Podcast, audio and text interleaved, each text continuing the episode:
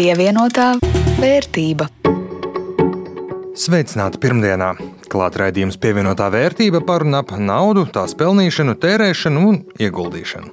Kā ierasts ar jums kopā Jānis Ramāns no Latvijas radio un Rudīts Pakausks no Latvijas televīzijas. Par ko šodien? Par kaut ko zaļu runāsim, kas nebūs Amerikas dolāri, par investēšanu un par kādu Lietuvas uzņēmumu, kurš ražo sadzīves tehniku. Bet pirms uzzinām, kas notiek Lietuvas uzņēmumā Snaiga, īsi par aktuālo. Pievienotā vērtība. Pandēmijas ekonomiskā atspēra sāk sprāgt vaļā. Par to liecina ne tikai cilvēku daudzums ielās, kafejnīcu terasēs vai turismu vietās brīvdienās, bet arī valsts makā. Nodokļu ieņēmumi četros mēnešos pieauguši par 168,9 miljoniem eiro, jeb 5,9% un veido 3,02 miljārdus eiro. Un lausties pieaugumu nodrošina aprīļa mēnesis. Ja gada pirmajos mēnešos iekasēts apmēram tikpat cik pērn, tad aprīlī jau par ceturdaļu vairāk. Ja sociālās apdrošināšanas iemaksas, respektīvi algu nodokļu, to ieņēmumu kāpuši tikai par nepilniem 7%, tad citās jomās gan pievienotās vērtības, gan akcijas, gan uzņēmumu ienākumu nodokļu kāpums ir robežās no 21 līdz pat 50%. Aug arī cenas un izmaksas. Tā būvniecībā izmaksas auguši par 3,2% aprīlī salīdzinot ar pērnā gada aprīli. Te gan sadalījums mazliet godīgāks. Strādnieku darba samaksa augusi par nepilniem 4%, būvmateriāla cenas par 3,2%, būvniecības tehnikas un mašīnu apkope un uzturēšana palikusi par nepilniem 3% dārgāk.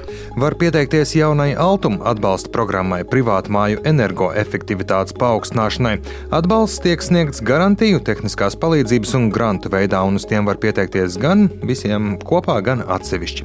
Lai uzlabotu savu mājokli, var iegūt gan kā papildu nodrošinājumu kredītam līdz 30%, un programma paredz arī subsīdiju, jeb grantu 5000 eiro. Apmērā, ja pēc remonta ēkas energoefektivitāte tiek uzlabota par vismaz 20%, un vēl var saņemt 1000 eiro tehniskās palīdzības un dokumentācijas izstrādēji. Kopumā šajā programmā atvēlēts nepilns pusotrs miljonus eiro rupju rēķinot, atbalstu varēs saņemt aptuveni 250 privātmāju īpašnieki. Lai gan gaisā jau virmo valsts Covid atbalsta izbeigšanas vēsmas, tomēr valsts atbalsta Covid-19 krīzes skartiem uzņēmumiem apgrozāmajiem līdzekļiem izmaksās arī par jūniju mēnesi.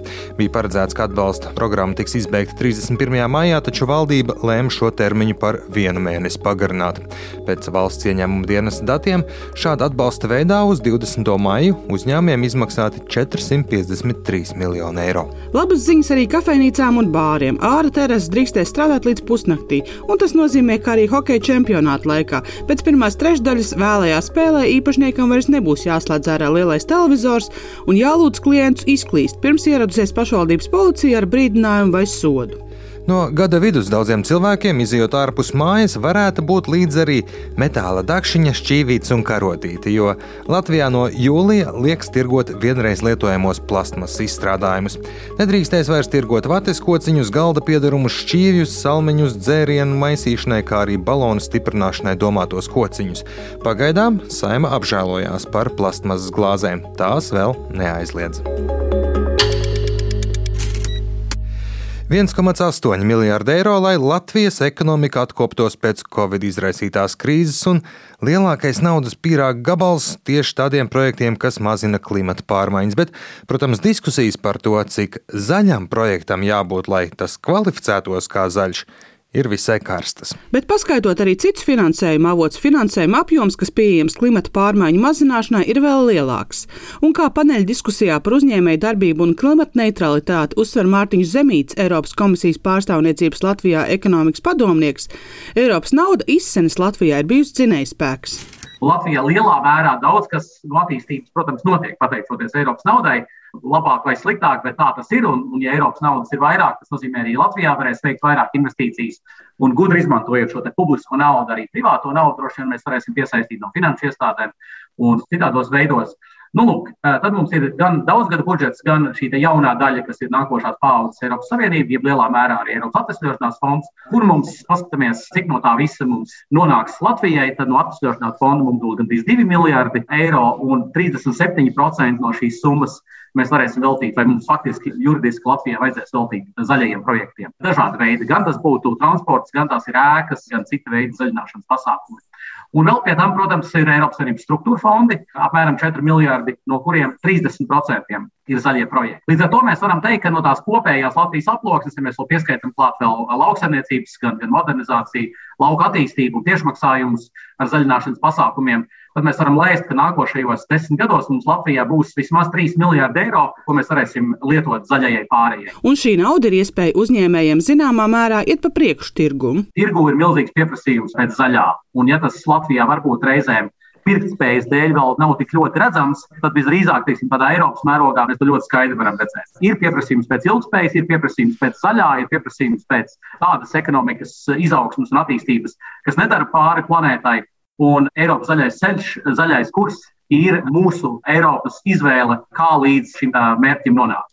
Līdz klimata neutralitātei 2050. gadā Tam, ka atbildība pret vidi būs pieprasīta, piekrīt arī paši uzņēmēji.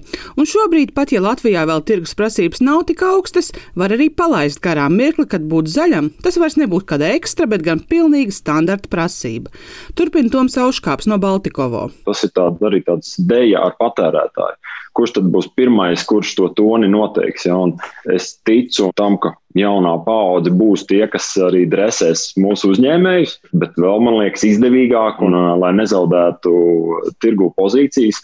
Nu, mums ir jācenšas apsteigt patērētājs, lai mēs nesatricinātu savu produktu konkurētspēju plauktā pret iespējams kādu citu zaļāku iepakojumu. Bet ar zaļiem darbiem un dzīvi uzņēmumā vien nepietiek. Kas tās tevi Setiņsona no Cēsu alus? Uzņēmums daudz ko dara ilgspējais, certifikāti, attīstības programmas, bet tā teikt, darīt to pakluso, nav pārāk efektīvi. Esam sākuši pievērst savus patērētājus un arī darbinieku uzmanību tam, cik vidas aspekti ir ļoti svarīgi. Un šogad īpaši tieši tagad notiek mums diezgan liela kampaņa, kur par saviem arī labiem darbiem komunicējam uz saviem iepakojumiem, jo faktiski sapratām vienu lietu. Viena lieta ir kaut ko darīt, klusiņām, labi, teiksim, savā ilgspējas pārskatā atzīmēt, bet par to jau cilvēki īsti nezina un neaizdomājās. Un, uh, viņi pašiem to viņiem nemotivē to, teiksim, neko darīt un iesaistīties. Un tas paliek tā kā mazliet tāds nezināmais lauks. Bet tagad, kad mēs par to diezgan skaļi runājam, ko mēs darām un tiešām ikdienā komunicējam, es domāju, tā interese ar to arī aug. Es tā domāju, arī cilvēkiem. Bet arī pašiem uzņēmumiem jāuzmanās, lai apzināti vai neapzināti nesanāktu zaļmaldināšana. Kā aiz zaļā krāsā rakstītiem lieliem burtiem un gudriem vārdiem, pilniem dokumentiem, slēpjas tas, ka uzņēmums nu nemaz nav tik zaļš un atbildīgāk pret vidi var būt jebkurš uzņēmums. Arī Baltikovo ir interesanta pieredze par to, kā ilgspēju ieviest uzņēmumā. Nesen pārskatījām mūsu ilgspējas mērķus, kur mums iepriekšējā gadā bija inovācijas kā mērķis. Bet tad mēs sapratām, hei, mēs taču ražojam olas, ja mēs neesam inovāciju uzņēmums. Bet, ja ne ar inovācijām, tad daudzos citos veidos tomēr ilgspēju var ieviest, saka Auškāps. Kā mēs pēc iespējas ar mazāk resursiem spējam apmierināt uh, vajadzības. Tāpat tās, ko mēs darām ar blakus produktiem, kas ir radušies ar iepakojumu, vai, vai vēl tālāk, ka mēs uh, domājam, kā neradīt atkritumus pirms mēs domājam, kā viņus pārstrādāt. Un šāds vai līdzīgs pārdoms noteikti ir nevienam uzņēmumam, jo arvien biežāk zaļums kā kritērijs parādās arvien vairāk, reizēm pat negaidītās dzīves jomās. Nu, kaut vai tie paši zaļie ieguldījumu fondi vai iespējams zemāks procentu likmes, ja aizņēmums ir zaļam projektam pievienotā vērtība. Bet Baltijas biržās šonadēļ kāpums lielākais Rīgā. Tur 5,3% plusā. Nedaudz vairāk par 2% pieaugums Viļņas biržai, bet pavisam neliels 0,06% plusiņš Tallinā. Biržas tirgotāko uzņēmumu tops līdzīgs kā citas nedēļas pirmais - Lietuvas energomilzas Ignitis grupa. To akcijas tirgotas par nedaudz vairāk nekā 6 miljoniem eiro un 3% cenas pieaugums nedēļas laikā visai netipiski šai akcijai.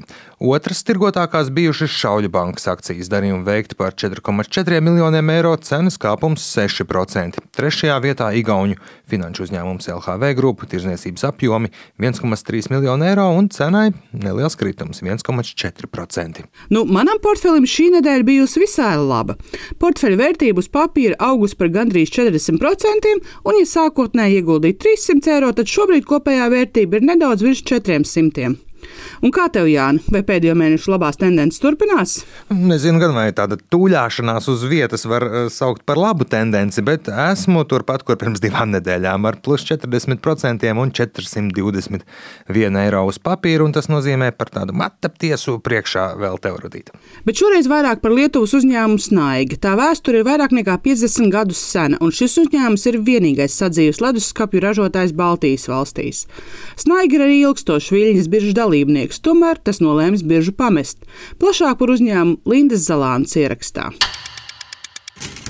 Tas ir uzņēmums, kas ir diezgan stabili iekarojis salīdzinoši labu vietu vietējā elektropreču tirgu, protams, savā nišā. Vismaz. Latvijas elektroenerģētiķu un energobūnieku asociācijas izpildirektors Gunārs Valdmans stāsta, ka Baltijas valstu tirgu ir vairāk piemēru, kad salīdzinoši senākos laikos izveidoti uzņēmumi nespēja pielāgoties āsākai konkurencei. Snaigi ir viens no tiem piemēriem, kas ir spējis to izdarīt. Un lielā mērā tas ir saistīts ar nu, atvērtību, jaunām tehnoloģijām, modernākām, tātad saulēcīgu modernu darbu. Ja mēs raugāmies uz ilgtermiņa perspektīvām šādiem uzņēmumiem, tad kopumā elektropreces kā tādas ir preču segments ar ļoti stabilu ilgtermiņa pieprasījumu, kas būtiski nesamazināsies. Valdmans uzsver, ka tomēr būs jāpievērš uzmanība vairākām nozīmīgām tendencēm, kurām ražotājiem būs jāspēj pielāgoties. Vairākas no tām izriet no Eiropas Savienības politikas pamatnostādnēm, kas mudina ražotājus domāt par elektropreces ilgmūžību un iespēju tās arī remontēt. Tāds elektropreču segments kā saldēšanas iekārtas ir labvēlīgā pozīcijā. Leduskapju ražotāji tiešām ir viena no tām ražotāju grupām, kuras spēj tiešām bez lielām grūtībām šīs iekārtas saražot ar visai augstu darba mūžu un tie mierīgi varbūt arī pat 20 gadi un vairāk. Snaige ieņemtais segments ir diezgan pateicīgs un šeit ir tradīcijas strādāt tā varētu teikt, ilgspējīgi. Vēl viens izaicinājums ir saistīts ar energoefektivitātes paaugstināšanu, jo visām elektroierīcēm tiek izvirzīti pakāpeniski aizvien bargāk šie standarti. Un, protams, ka tie uzņēmumi, kuri spēs pielāgoties šai tendencei un padarīt šīs te iekārtas mazāk patērējošas, tad, protams, gūs konkurences priekšrocības. Līdz šim snaigē ir veicies salīdzinoši labi, bet uh, pateikt precīzi, cik sekmīgi būs šī konkurence par efektīvāku iekārtu, to gan šobrīd ir grūti pateikt. Lai gan Snaigi ir ilgstošs viņas biržas dalībnieks, tomēr tas nolēms biržu pamest.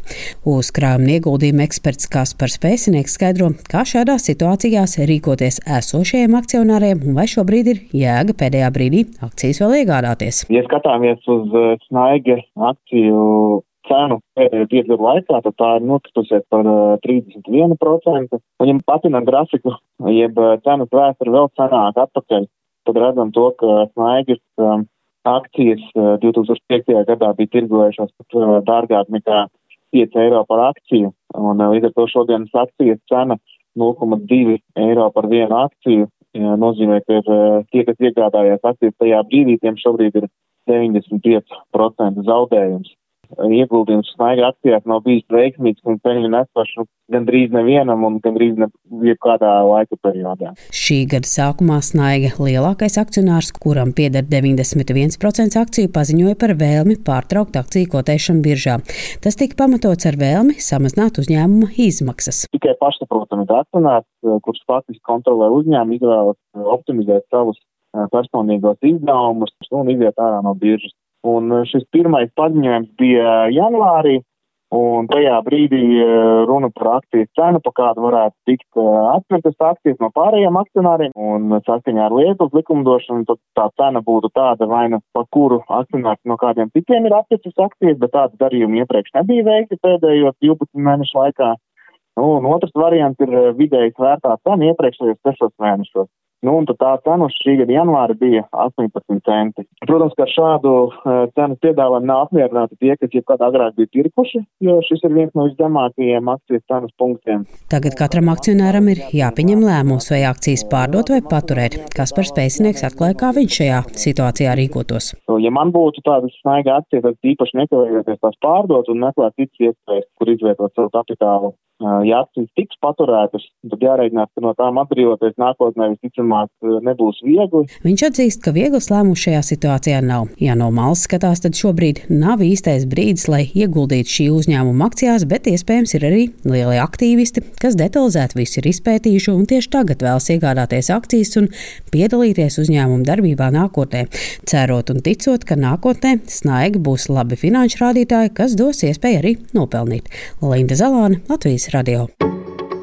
Ar to arī izskan šīs pirmdienas raidījums pievienotā vērtība. To veidoja Rudīts Pakausks no Latvijas televīzijas un Jānis Ramāns no Latvijas radio. Šo un arī visus iepriekšējos raidījumus var atrast Latvijas radio mājaslapā un arī podkāstu apraides vietās uz tikšanos pēc nedēļas.